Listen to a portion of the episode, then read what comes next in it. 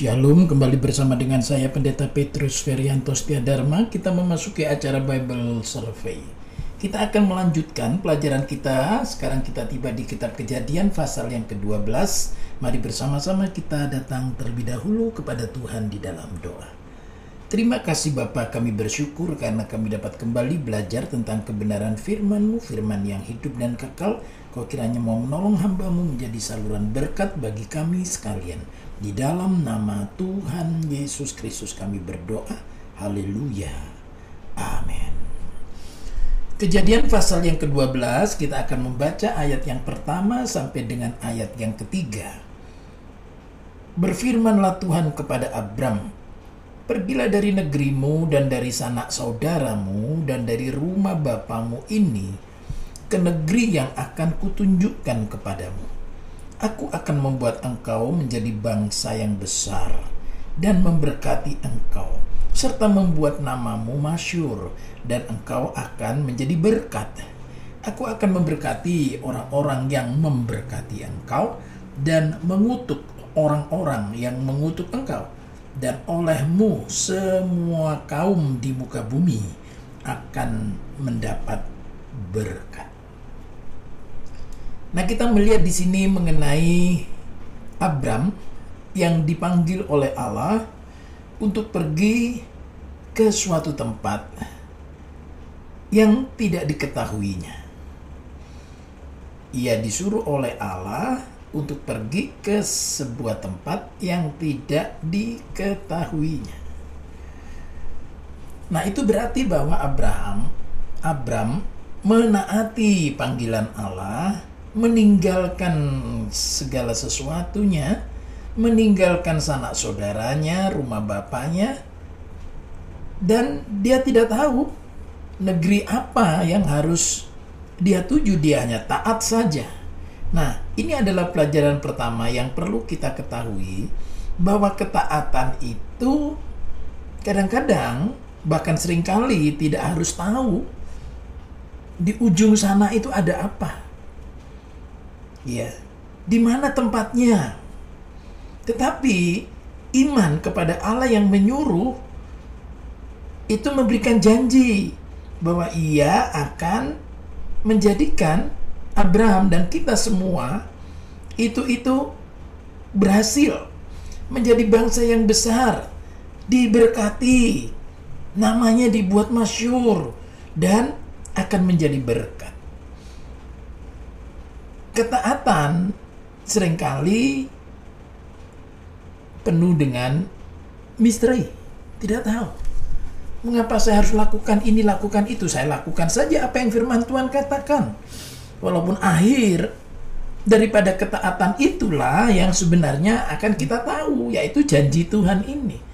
Tapi bagaimana prosesnya nanti sampai di sana, apa yang akan dialami benar-benar tidak diketahui baik oleh Abram dan juga ini adalah prinsip yang Allah kerjakan dalam hidup kita.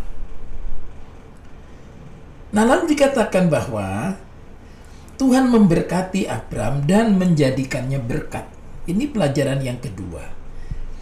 Ya, aku membuat engkau menjadi bangsa yang besar, memberkati engkau, membuat namamu masyur, dan engkau akan menjadi berkat. Nah, kalau kita memiliki iman seperti iman Abraham, maka itu berarti bahwa kita pun itu diberi janji ini, ya ada janji berkat Tuhan dan juga kita akan menjadi berkat. Kita tidak mungkin menjadi berkat sebelum kita diberkati Tuhan. Oleh karena apa? Urutannya seperti itu. Aku memberkati engkau, engkau akan menjadi berkat. Tetapi yang dimaksud dengan berkat di sini bukan dalam arti begitu banyak ya baru kita bisa menjadi berkat tidak begitu kita ada berkat Tuhan katakanlah lima maka kita bisa menjadi berkat katakanlah memberikan satu atau dua. Pengalaman ketika anak-anak kami masih kecil satu kali anak lelaki saya Steve ketika dia bersekolah dia meminta uang saku. Dan waktu itu ya waktu itu kita beri uang saku 10.000 rupiah. Ini nanti yang 5000 itu untuk kamu buat jajan tapi yang 5000 nanti kamu gunakan untuk menolong temanmu yang mungkin nampaknya lapar ya. Kamu belikan dia makanan. Oh baik pak. Kemudian pulang dari sekolah kami kontrol kami tanyai bagaimana tadi pengalaman di sekolah? Iya pak. Tadi aku sudah laksanakan. Aku dapat 10 ribu, aku buat jajan 5 ribu, dan yang 5 ribu ku berikan kepada teman. Nah bagaimana kamu memberikan kepada temanmu? Ya tadi kelihatan dia loyo, kayaknya belum sarapan gitu ya. Oh jadi itu anak orang miskin yang mungkin bukan tidak sempat sarapan, mungkin tidak ada sarapan. Oh enggak, dia anak orang kaya Wong sekolah aja dia diantar mobil yang bagus. Loh, kami kaget. Loh kenapa kamu memberikan uang 5000 menjajankan dia padahal dia anak orang kaya. Orang Jawa bilang itu nguyai segoro. Artinya menggarami laut. Ya. Loh, begini. Ini ini versi anak sudah ya. Kalau aku membelikan jajan dia, 5000 satu kali. Kan bisa dia membelikan jajan aku lebih mahal lebih enak. Ya itu itu versi anak-anak. Nah artinya begini kami selalu menguji keluarga kami saya istri anak-anak. Kalau kalian punya dua apakah kalian masih bisa memberi? Bisa apa setidaknya satu. Oke. Nah sekarang kalau kamu punya satu apakah kamu masih bisa memberi? Anak saya mulai bingung waktu itu. Ya kan Ya tidak ada pak, cuma satu. Kalau ku berikan aku sendiri tidak punya. Oke, bisakah kamu memberikan separuh? Oh ya bisa. Nah itu berarti seberapapun yang kita punya itu berkat Tuhan. Itu berarti kita akan selalu dapat memberi menjadi berkat. Ya tidak harus menunggu uang kita bermiliar-miliar rupiah baru kita menjadi berkat ya punya lima kasih dua. Punya dua kasih satu. Punya satu ya bisa separuh. Punya separuh kasih seperempat. Punya seperempat kasih seperdelapan. Nah itu kalau diteruskan itu tidak ada batasnya. Itu artinya apa? Artinya kita selalu dapat menjadi berkat. Nah lalu kita melihat di sini kembali ke kejadian pasal 12 di ayat yang ketiga aku akan memberkati orang-orang yang memberkati engkau dan mengutuk orang-orang yang mengutuk engkau. Dan olehmu semua kaum di muka bumi akan mendapat berkat. Siapa yang mendapat berkat tadi itu? Ya, siapa yang mendapat berkat? Oh, mungkin tetangga kanan kiri. Oh, tidak loh. Ya, Abraham diberi janji oleh Tuhan, olehmu Abraham semua kaum di muka bumi akan mendapat berkat. Nah, saya tanya pada saudara-saudara, apakah janji Tuhan ini sudah menjadi realita? Sudah. Ya. Apa realitanya? Ada tiga agama besar di seluruh muka bumi ini yang menjadikan Abraham itu sebagai salah satu dari nabinya. Yahudi, Kristen, dan Islam. Yahudi, Kristen dan Islam disebut dengan Abrahamic religion, ya, agama Abraham karena sumbernya dari Abram ini. Nama asalnya itu Abram, ya. Olehmu semua kaum di muka bumi akan mendapat berkat. Oh ini luar biasa. Bagaimana dari satu orang yang Tuhan panggil, kalau saudara tanya apa pak dasarnya perbuatan baik apa yang dilakukan oleh Abram? Loh, perbuatan baik apa? Tidak ada perbuatan baik yang Abram lakukan yang memenuhi syarat untuk dia diberkati Tuhan. Justru ketika Abram taat itu maka ketaatannya itu bagian daripada imam, imannya dan itu yang membuat Abram dibenarkan oleh Allah. Waktu itu pembenaran itu adalah ketaatan berdasarkan iman. Ya, ketaatan berdasarkan iman. Kalau kita melihat apa catatan daripada penulis surat Ibrani dalam Ibrani pasal yang ke-11, Ibrani pasal yang ke-11 kita akan membaca ayat yang ke-8. Karena iman Abraham taat. Ini namanya yang kemudian tuh Abraham ya, bapak segala bangsa. Ketika ia dipanggil untuk berangkat ke negeri yang akan diterimanya menjadi milik pusakanya. Lalu ia berangkat dengan tidak mengetahui tempat yang ia tujui. Ya. Jadi tidak mengetahui tempat yang ia tujui. Nah, tetapi ketaatannya itu itulah yang membuatnya dibenarkan oleh Allah. Ayat yang lain lagi saya bacakan dari surat Galatia pasal 3 ayat yang ke-8. dan kitab suci yang sebelumnya mengetahui bahwa Allah membenarkan orang-orang bukan Yahudi oleh karena iman telah terlebih dahulu memberitakan Injil kepada Abraham. Olehmu segala bangsa akan diberkati. Ini berita Injil. Injil itu artinya kabar baik. Ya. Injil itu bukan sesuatu saudara-saudara yang wah ini cuma merek tertentu enggak loh kepada seluruh bangsa di muka bumi dikatakan ya ada kabar baik begitu kita ngomong good news kabar baik maka itu sama dengan Injil ya. Nah hanya memang di dalam kekristenan Injil adalah kabar baik tentang kasih Allah yang menyelamatkan melalui karya penebusan Yesus Kristus yang telah rela menderita, mati, dikuburkan, bangkit kembali, naik ke surga, dan satu kali akan datang kembali menjemput semua orang-orang yang percaya.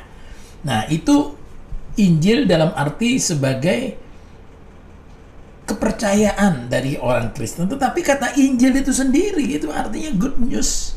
Iu angelion. Ya, kabar baik. Nah, jadi Abraham memperoleh kabar baik. Injil bukan hanya di perjanjian baru kalau dalam arti luas Injil kabar baik itu ya termasuk kepada Abraham ini. Ayat 4 sekarang. Lalu pergilah Abraham seperti yang difirmankan Tuhan kepadanya. Dan Lot pun, ingat Lot itu adalah keponakannya, ikut bersama-sama dengan dia. Abram berumur 75 tahun ketika ia berangkat dari Haran. Abram membawa Sarai istrinya dan Lot anak saudaranya dan segala harta benda yang didapat mereka dan orang-orang yang diperoleh mereka di Haran. Mereka berangkat ke tanah Kanaan lalu sampai di situ. Abram berjalan melalui negeri itu sampai ke suatu tempat dekat Sikem, yakni pohon tarbantin di More waktu itu orang Kanaan diam di negeri itu. Nah, ini perjalanan Abraham dilakukan ya, lalu pergilah Abraham seperti yang difirmankan Tuhan kepadanya. Lalu ikut bersama dia istrinya, lalu keponakannya Lot itu dan juga harta benda. Jadi berarti Abraham bukan orang miskin. Abraham itu adalah orang yang sebelumnya sudah orang yang kaya. Ya, orang yang memiliki banyak ternak, memiliki banyak budak ya dan ia pergi uh, bersama-sama dengan semuanya itu ke tanah Kanaan ya lalu sampai di situ. Nah, ayat 7. Ketika itu Tuhan menampakkan diri kepada Abram dan berfirman, "Aku akan memberikan negeri ini kepada keturunanmu." Maka didirikannya di situ mesbah bagi Tuhan yang telah menampakkan diri kepadanya Kemudian ia pindah dari situ ke pegunungan di sebelah timur Betel. Ia memasang kemahnya dengan Betel di sebelah barat dan Ai di sebelah timur. Lalu ia mendirikan di situ mesbah bagi Tuhan dan memanggil nama Tuhan. Sesudah itu Abram berangkat dan makin jauh ia berjalan ke tanah Negeb. Nah, kalau saudara melihat peta, peta Palestina itu, dikatakan bahwa Tuhan akan memberikan negeri itu kepada keturunan Abraham. Ya, diberikan itu berarti berkat negeri. Ya, ada berkat keturunan, ada berkat negeri. Ya, ada berkat keturunan, ada berkat negeri. Ada berkat rohani, ya luar biasa ini berkatnya ini, ya berlipat-lipat ini ya untuk orang yang taat. Nah, sesudah sampai di situ dikatakan didirikannya mesbah bagi Tuhan yang telah menampakkan diri kepadanya. Jadi Abraham mendirikan mesbah sebagai tanda apa? Tanda bersyukur itu yang pertama, ya. Tanda bersyukur untuk apa? Penyertaan Tuhan. Mengucap syukur untuk apa? Untuk bisanya dia menaati panggilan Tuhan. Jadi kalau dikatakan Abraham taat, itu di satu sisi itu memang Abram dihadapkan kepada pilihan mau taat atau tidak ya oleh karena ketaatan itu pilihan mau taat atau tidak kita sudah mendengar dalam edisi atau sesi-sesi yang lalu ada Adam Adam tidak taat ya kemudian ada Henok yang bergaul dengan Allah ada Nuh yang taat berarti taat adalah pilihan nah ketika kita bisa taat bisanya kita taat itu juga itu sebenarnya anugerah Tuhan Ya, sehingga apa? Patut didirikan mesbah dalam pengucapan syukur kepada Tuhan. Mengucap syukur. Nah, lalu yang kedua, tentu mesbah itu berarti menjadikan Tuhan itu sebagai sumber segala sesuatu yang ada padanya. Menyembah, ya kata mesbah itu berarti datang menyembah, worship, menyembah Tuhan. Nah, kita juga wajib menyembah Tuhan yang telah menciptakan kita Nah, yang menarik di sini adalah bahwa sesudah itu Abraham berangkat dan makin jauh ia berjalan ke tanah Negeb. Padahal dikatakan tadi aku akan memberikan negeri ini kepada keturunanmu. Tapi dia lalu berjalan sampai ke tanah Negeb. Itu adalah ujung selatan ya. Kalau kita melihat peta Palestina itu dari utara ke selatan, maka Negeb itu adalah ujung paling selatan. Nah, mari kita lanjutkan mulai dari ayat 10 saya bacakan. Ketika kelaparan timbul di negeri itu, pergilah Abram ke Mesir untuk tinggal di situ sebagai orang asing sebab hebat kelaparan di negeri itu. Perhatikan. Loh Pak, ini Abram kan sudah taat. Dia pergi ke tempat yang ia tidak tahu. Hanya karena Tuhan yang mengatakan, udah di negeri ini aja, ini aku berikan padamu. Nah, Katanya Tuhan memberkati. Tapi mengapa ini muncul kelaparan? Ya. Kelaparan timbul di negeri itu. Nah, bagaimana bisa ada berkat Tuhan tapi kok disebut kelaparan? Nah, ini Saudara-saudara. Ini disebut dengan tantangan kehidupan. Mengikut Tuhan itu, percaya kepada Tuhan itu tidak berarti langitnya selalu biru. Tidak berarti tidak ada mendung tidak ada tantangan, semuanya berjalan lancar, semuanya oke-oke saja. Ya, tidak begitu. Ya, pada sesi-sesi sebelumnya saya sudah sampaikan ada pelangi indah. Tapi sebelum pelangi itu ada mendung, setelah mendung hujan lalu pelangi. Jadi ada kelaparan, ada tantangan. Nah, sekarang bagaimana ketika tantangan kelaparan itu datang? Dikatakan pergilah Abram ke Mesir jadi saudara-saudara tentu Abram menggunakan akal budinya. Ke mana ini? Tidak mungkin tetap tinggal di sini. Dia harus berpindah secara geografis, nomad dan pergi ke mana. Lalu dilihat Mesir itu adalah negeri yang subur karena sungai Nil. Sehingga karena hebat katanya kelaparan di negeri itu, maka ia pergi ke Mesir. Ayat 11. Pada waktu ia akan masuk ke Mesir, berkatalah ia kepada Sarai istrinya. Memang aku tahu bahwa engkau adalah seorang perempuan yang cantik parasnya. Apabila orang Mesir melihat engkau, mereka akan berkata, itu istrinya. Jadi mereka akan membunuh aku dan membiarkan engkau hidup. Katakanlah bahwa engkau adikku, supaya aku diperlakukan mereka dengan baik karena engkau dan aku dibiarkan hidup oleh sebab engkau. Sesudah Abraham masuk ke Mesir, orang Mesir itu melihat bahwa perempuan itu sangat cantik. Dan ketika penggawa-penggawa Firaun melihat Sarai, mereka memuji-mujinya di hadapan Firaun, sehingga perempuan itu dibawa ke istananya. Firaun menyambut Abram dengan baik-baik karena ia mengingat perempuan itu. Mengingini, maaf, karena ia mengingini perempuan itu. Dan Abram mendapat kambing domba, lembu sapi, keledai jantan, budak laki-laki dan perempuan, keledai betina dan unta. Tetapi Tuhan menimpakan tulah yang hebat kepada Firaun. Demikian juga kepada seisi istananya karena Sarai istri Abram itu.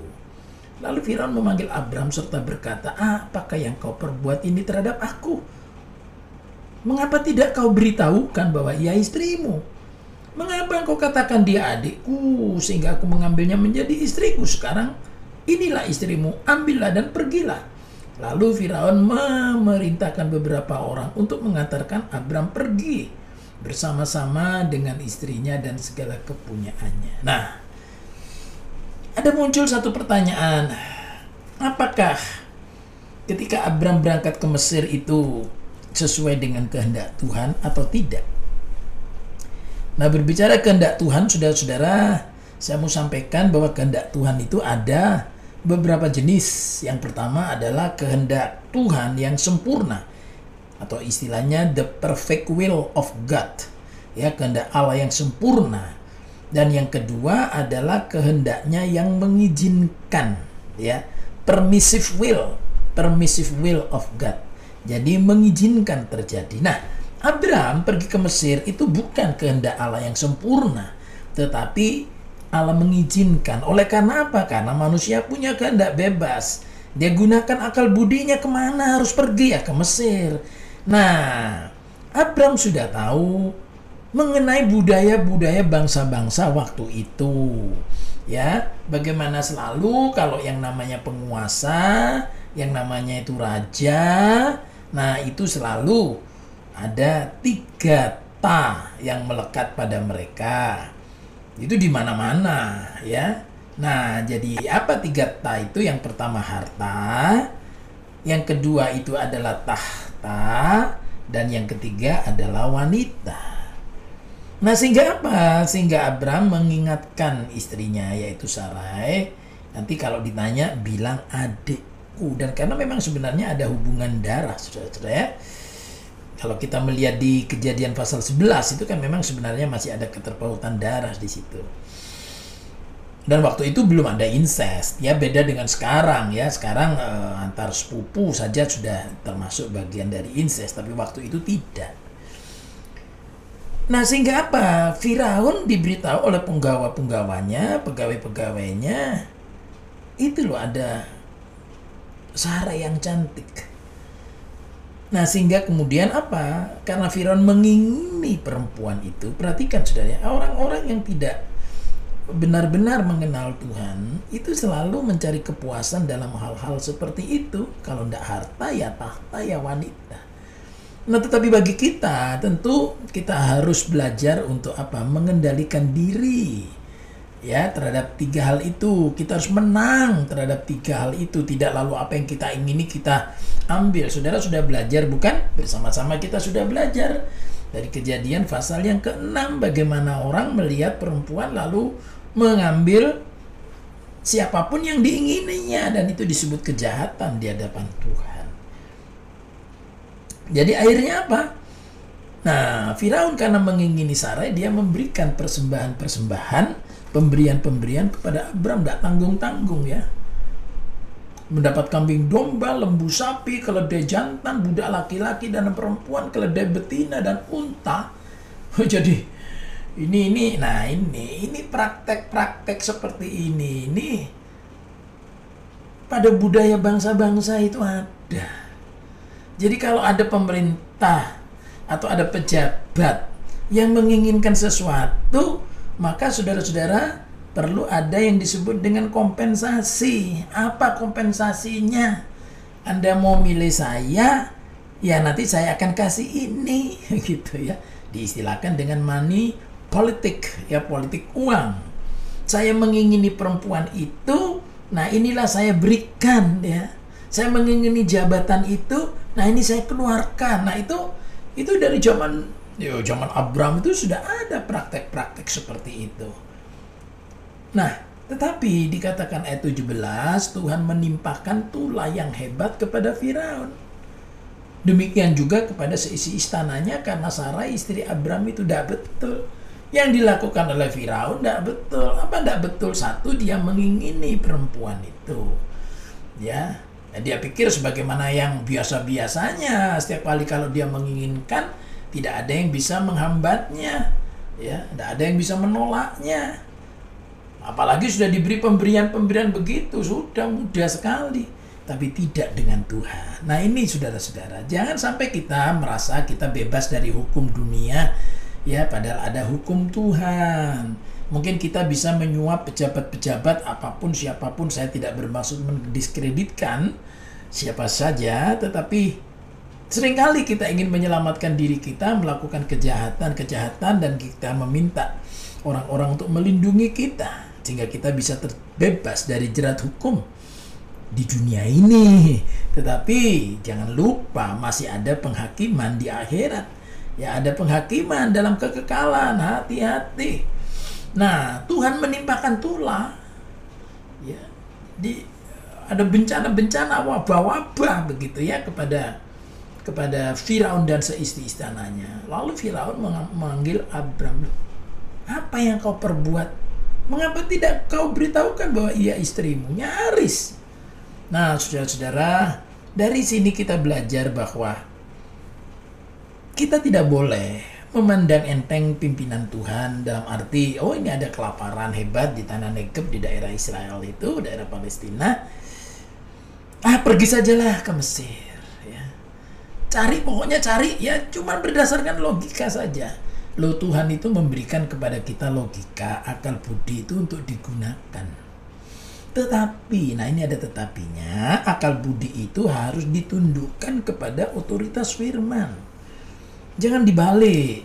Banyak anak-anak muda menggunakan akal budinya untuk apa? Menghakimi firman. Pakai logikanya meragukan firman. Pakai logikanya sudah-sudah menyangsikan firman dan bahkan menolak firman. Melecehkan firman. Kita sudah belajar juga waktu yang lalu ya tentang kuasa firman dan jangan ada yang sampai mengabaikannya. Barang siapa meremehkan firman ia akan menanggung akibatnya terima kasih untuk akal budi terima kasih untuk kemampuan kita berlogika tapi itu harus ditundukkan kepada otoritas firman firman harus di atas dari akal budi kita Nah sebaliknya juga jangan jangan terjadi. Yaitu ya saya cuma menunggu tuntunan Tuhan Pak. Buat apa saya mikir-mikir ini itu perencanaan-perencanaan pakai akal budi sudah usai Pak. Ya saya nurut sajalah. Tuhan bilang apa, bilang apa, saya nurut sajalah. Kita tidak bisa begitu karena dua-duanya itu penting. Apa dua-duanya? Iya firman, ya akal budi. Keduanya tidak bertentangan karena firman itu pewahyuan. Akal budi itu empiris ya. Dari kita belajar sesuatu secara ilmiah. Ada yang namanya laboratori, ada laboratorium, dilakukan berulang kali lalu muncul teori. Mulai dengan hipotesa, dugaan-dugaan, anggapan-anggapan, setelah itu dicek, diuji, oh benar, jadi teori. Ya, kita bersyukur terjadi perkembangan ilmu pengetahuan Teknologi luar biasa mempermudah kehidupan umat manusia. Tetapi jangan lupakan ada pewahyuan firman di situ yang harus diterima dengan penuh iman ya. Oleh karena ada hal-hal yang kita tidak mengerti seperti tadi Abram dipimpin oleh Tuhan disuruh keluar dari negerinya.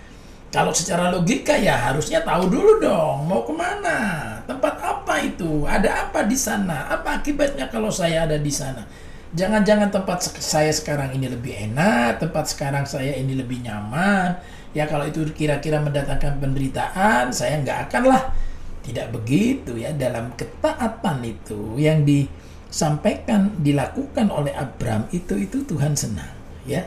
Nah mari kita akan seimbangkan dua hal ini akal budi dan iman kita. Jadi perginya Abram ke Mesir itu itu sekedar akal budinya dan hanya karena kemurahan Tuhan dia terlindungi dari hal-hal yang memalukan ya karena nyaris Sarah itu diambil oleh Firaun. Nah sebaliknya kalau saudara masih muda atau saudara sedang menjabat jabatan posisi tertentu, mari kita hentikan praktek-praktek seperti yang dilakukan oleh Firaun. Sebab Tuhan tidak berkenan, ya Tuhan menimpakan tulah. Jangan saudara-saudara karena merasa punya uang, punya posisi jabatan, lalu saudara merasa bisa membeli segala sesuatu. Ya, kalau itu saudara-saudara lakukan, maka itu sudah berhadapan langsung dengan Tuhan. Mari kita berdoa. Terima kasih Bapak, kami telah belajar dari panggilan Abraham Engkau telah memanggilnya, Engkau telah memberkati, menyertainya. Ada kelemahan, ada kekurangan. Tapi kami bersyukur Engkau menolong sehingga tidak terjadi hal-hal yang tidak diinginkan. Berilah kami hikmat, bijaksana, akal budi, kami gunakan, tapi kami juga tunduk pada firman, otoritas firman yang jauh melampaui akal budi kami. Di dalam nama Tuhan Yesus Kristus kami berdoa. Haleluya. Amém.